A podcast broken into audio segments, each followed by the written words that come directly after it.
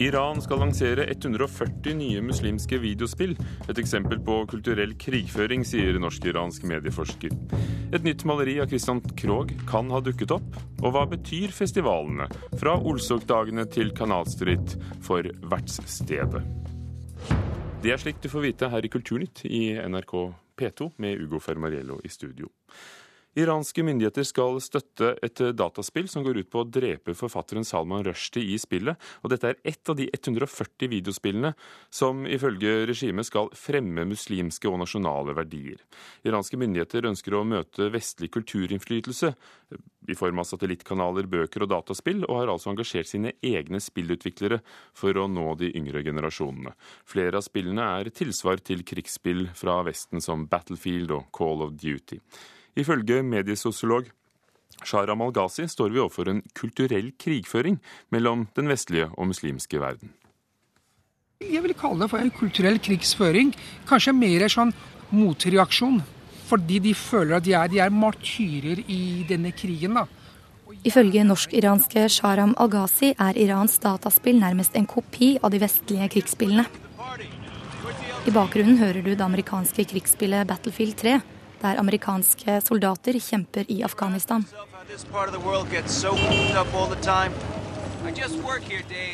Bytter du ut engelsken med persisk og fiendene med heltene, har du den iranske versjonen, forteller mediesosiologen. Til syvende og sist de følger jo samme fortellingen. At det er noen onde og noen gode. Men i deres spill så er det iranere som er gode. Kanskje ikke iranere, men muslimene som er gode, og det er de andre som kommer i, er onde. Al-Ghazi sammenligner situasjonen i Iran med Maos kulturrevolusjon. Hvordan de skal oppdra en nasjon, ungdom som tenker annerledes, som tenker opposisjonell. Og sånn sett vil det også være en sånn type propaganda nettopp for å jobbe med den oppdragelsen de tror er riktig oppdragelse for muslimsk ungdom. Et av de 140 nye spillene heter The Stressful Life of Salman Rushdie an implantation Office verdict.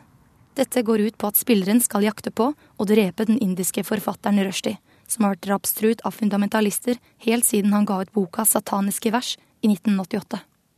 Boka ble beskyldt for å være blasfemisk, og den daværende lederen Aitola Khomeini utstedte en fatwa som krevde at forfatteren måtte henrettes.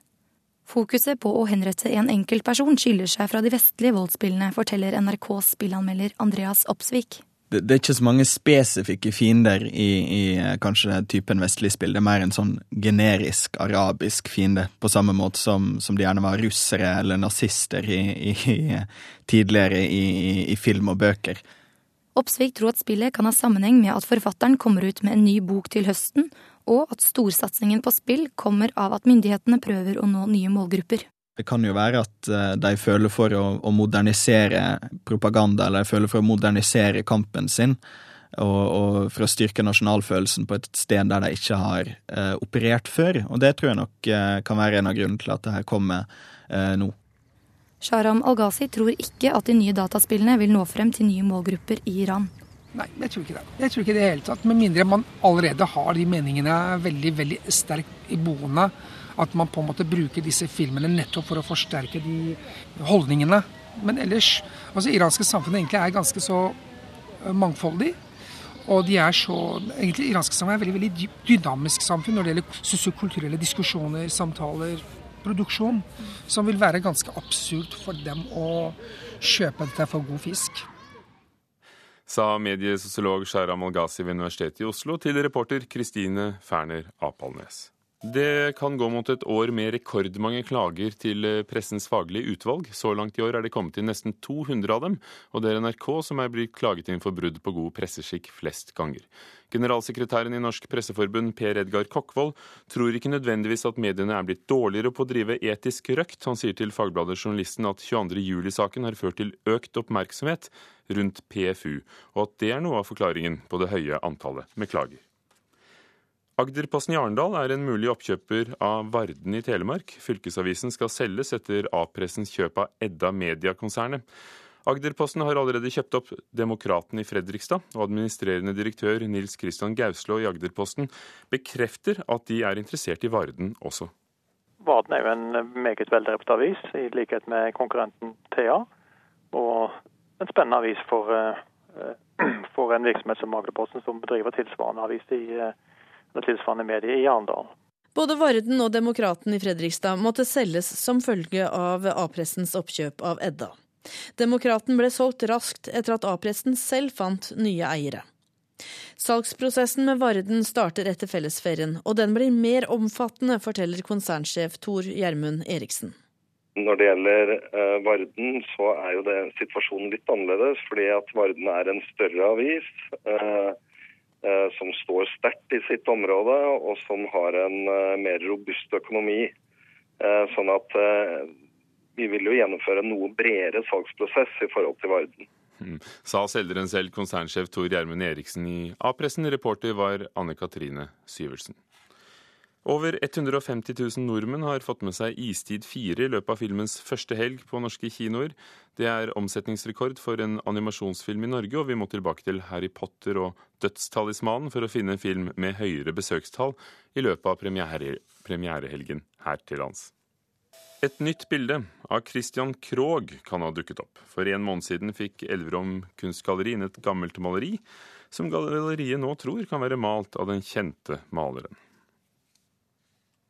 En mann sitter på en tømmerstokk langs strandkanten mens han skuer utover Glomma. Tømmeret flyter nedover elva, og han tar seg en velfortjent pust i bakken. Det er motivet på maleriet som henger på veggen i Elverum kunstgalleri. Nå lurer kunstrådgiver ved galleriet Magna Rismyr på om det kan være malt av sjølveste Christian Krogh. Figuren er så godt malt, så, så kan det være han Christian Krogh. Det er det eneste jeg kan si.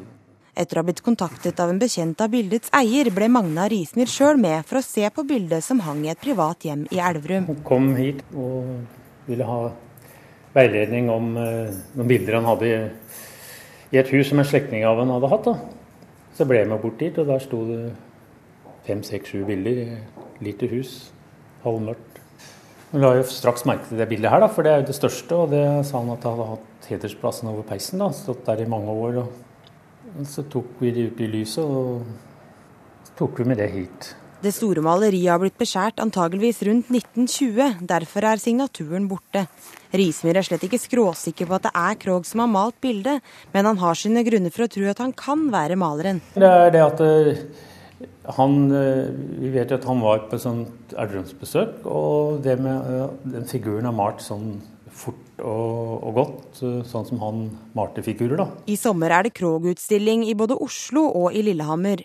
Direktør ved Lillehammer kunstmuseum, Svein Olav Hoff, bekrefter at det kan finnes uoppdagede Krog-malerier. Det skjer, men det er klart at det skjer ikke veldig ofte.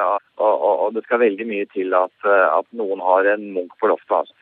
Det kan hende, og det kan hende man tror at det er andre kunstnere som har gjort. og så viser det seg at det er mer kjente kunstnere. Uante motiver av kjente kunstnere, f.eks. Men det er klart, Har man en ekte Christian Krogh, så er det noe man skal ta vare på. og Det er viktig og bra. Og det dukker fortsatt opp Krogh-bilder som ikke er registrert eh, blant oss spesialister. Hoff mener det er mulig å finne ut om Christian Krogh er maleren av bildet. Man kan gå både på bildets historie, eh, på motiv og på rett og slett teknikk.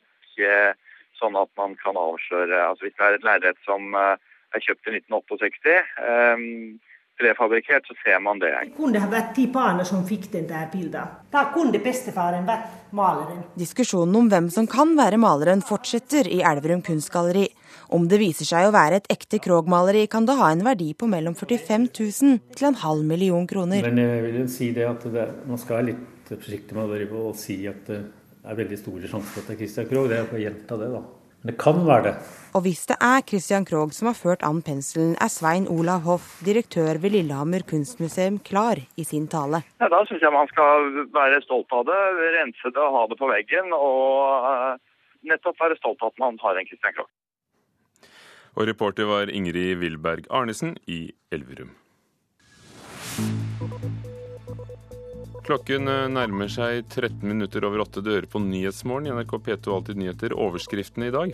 Det er ikke tilfeldig hvem som blir voldtatt. Forskning viser at kvinner som sliter psykisk er mer utsatt enn andre, sier psykolog ved NTNU Joar Øverås Halvorsen. Årsaken kan være at de ikke merker faresituasjoner. Hvis en går rundt med sånn generell emosjonell avflatethet, vil en kanskje være dårligere i stand til å oppdage risikosituasjoner. da. Likestillingsombudet mener småbarnsfedre som dropper politikken til fordel for familien, er bra. Fire mannlige stortingspolitikere med små barn stiller ikke til gjenvalg i neste periode. De er forbilder, mener nestleder hos Likestillingsombudet Elisabeth Lier Haugseth. De kan fungere som forbilder når det gjelder å ta vare på familie og barn. Og 32 personer er evakuert etter en brann i Sarpsborg sentrum. Politiet driver nå med etterslukking og riving av bygget, som fortsatt brenner. Og videre her i Kulturnytt skal vi høre om hvordan Henrik Ibsens leilighet kan i fremtiden bli din. Og det blir stadig flere festivaler som dukker opp. Så Nils Arvid Sletterød, sosiolog ved Trøndelag forskning og utvikling. Hvor stort må det være før det kan kalle seg festival? Det er et meget godt spørsmål. Men eh, festivaler er helt fra de små eh, evenementer til de helt store her i landet. Så at eh, en festival rommer et voldsomt mangfold både av størrelse og innhold. Du har altså ledet et forskningsprosjekt som har vært finansiert av Forskningsrådet, og som har sett på Steinkjerfestivalen, Blues in Hell for Stjørdal, Olsøkdagene, Hilmar Aleksandersen folkemusikkfestival, Steinkjer, Ekstremsportveka på Voss, Kanalstritt i Arendal og Eikerappen roots- og bluesfestival. Hva vil dere finne ut? Vi hadde, for å ta litt historisk, så hadde vi et femårig program fra Forskningsrådet som gikk på innovasjon, det som kaltes for menneskenettverket mennesket, nettverket og stedets betydning for innovasjon. Men så ble vi oppmerksom på at vi hadde et fenomen i Norge som var ganske utbredt, og som var voldsomt i oppsving, det med festivalene. Så vi ønsket da å se på hvordan festivalene påvirket stedet, hvordan eh, de på en måte tok i bruk de det unike egenartene stedene, hvordan de tok i bruk eh, frivillige og folk flest, hvordan de på en måte omformet stedet gjennom å få til en, nærmest en sånn opplevelsesbasert stedsutvikling. Og hvordan gjør de det når de lykkes? Ja, Det er et godt spørsmål. Det er et mangfold, så de gjør det på forskjellig vis. Men vi tror det at hvis man skal lykkes, så må man ta fram det unike både i den lokale kulturen og den fysiske egenarten på stedet. Og det har jo disse festivalene eh, gjort. Vil du si at alle dem dere har forsket på, er eksempler på noe som har lyktes? På forskjellig vis så er de eksempler på det. Eh, det er jo vidt forskjellige festivaler, og de foregår jo på eh, vidt forskjellige tider på året. Og de har samme, også da forskjellig innretning, kan du si. Hva er det de ikke har lyktes med? Eh, problemet med en del av festivalene er jo det at eh, man da trenger en tid fra man starter opp. En del av de festivalene som vi har forska på er ganske nye, men en del er jo gamle. Og det vises da at eh, de trenger en tid for å på en måte sette organisasjonen. Det er jo et press i dag fra alle hold pga. de store konkursene innenfor festivalverdenen at man skal bli profesjonell i alle ledd, og ikke minst i forhold til betalingsevne. Og likviditeten på festivalene er jo den store utfordringen. Men når dere har sett på virkninger på stedet, så virker det som om disse festivalene er til nærmest for kommunen eller byen. Men eh, er det ikke noe med selve musikkgleden eller spillegleden? Jo da, det er klart det at eh, mange av de festivalene her har oppstått pga. enkelte sånne kulturelle entreprenører eller ildsjelers interesse for spesiell musikk. Men samtidig så er det òg et interesse for det å skape noe nytt på et sted, og prøve å få et brudd i en utvikling. og prøve da å gjøre stedet mer attraktivt enn det har vært før. Enkelte av disse stedene har jo òg problemer med f.eks. Eh, ungdomsutflytting og problemer med da befolkningsutviklinga si. Og er et slikt kulturelt fenomen som en festival, enten det er ekstremsportveke eller Olsokdager eller blues, er det noe som virker som motgift til utflytting? Ja, på mange vis så virker det i hvert fall sånn som om man blir stolt av stedet. Det med identitet og stolthet, og det at eh, man eh, da ved å bygge en festival, så ser man at det er mulig. Altså det umulige er faktisk mulig på ethvert lite nes og ethvert sted.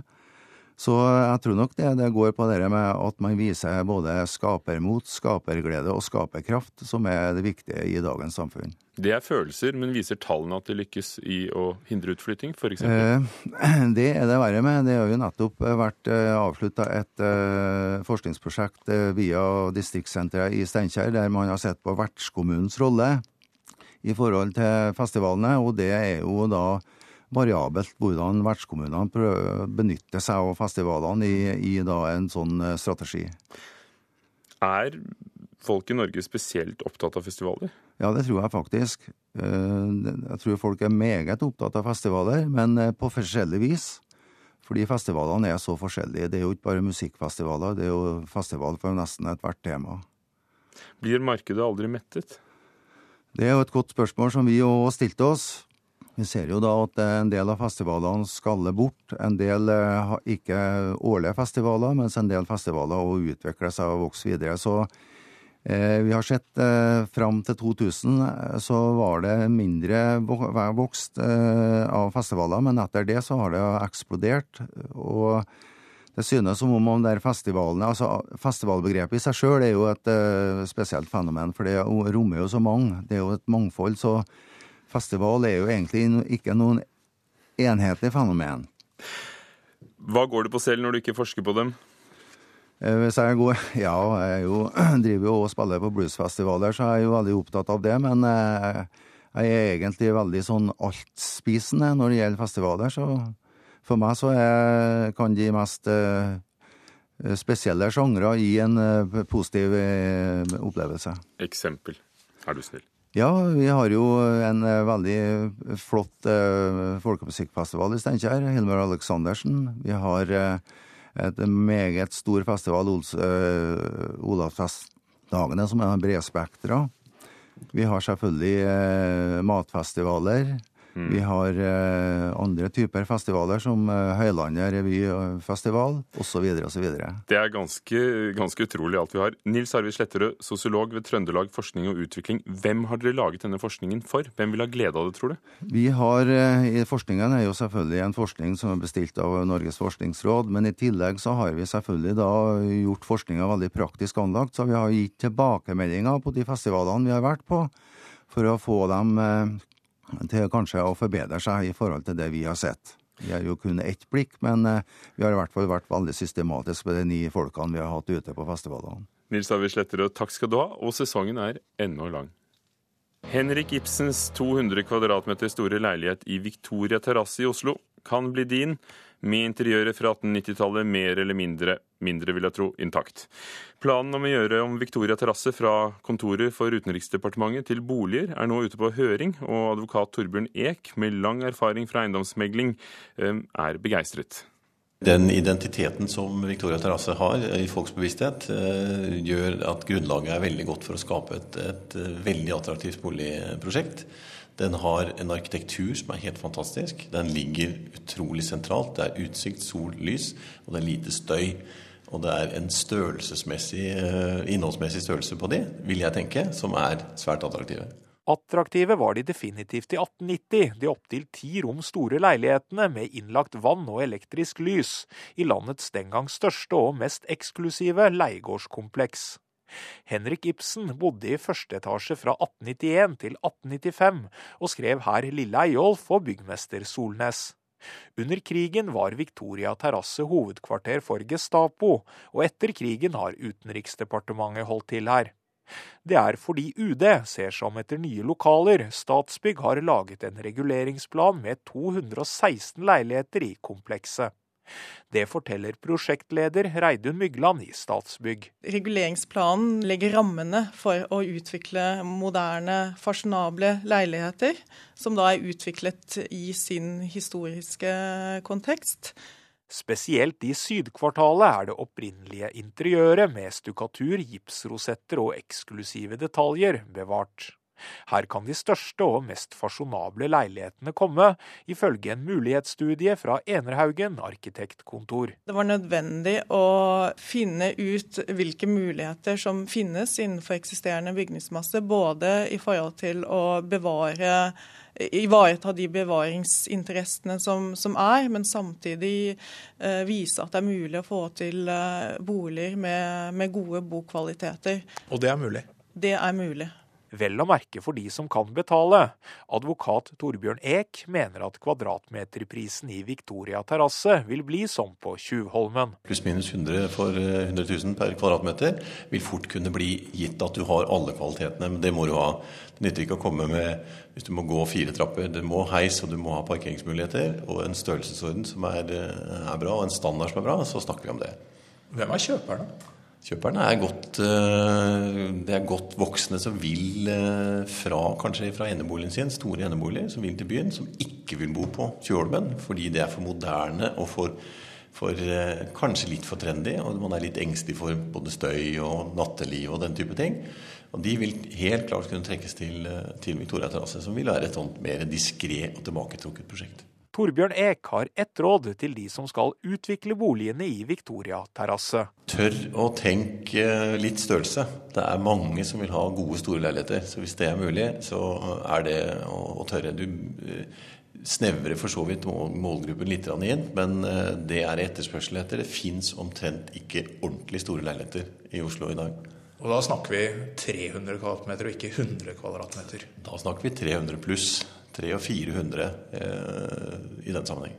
Sa advokat Torbjørn Eek, eh, som har erfaring fra eiendomsmegling i den fasjonable enden av skalaen i Oslo. Reporter var Olav Juven. Og plan- og bygningsetaten i Oslo kommune anbefaler reguleringsplanen for Victoria terrasse, som nå er sendt ut på høring. Du har hørt eh, Kulturnytt, en del av P2s Nyhetsmorgen, som snart fortsetter med Hege Holm. Vidar Sem har vært produsent, Espen Hansen teknisk ansvarlig, og Ugo Fermariello programleder. Takk for nå.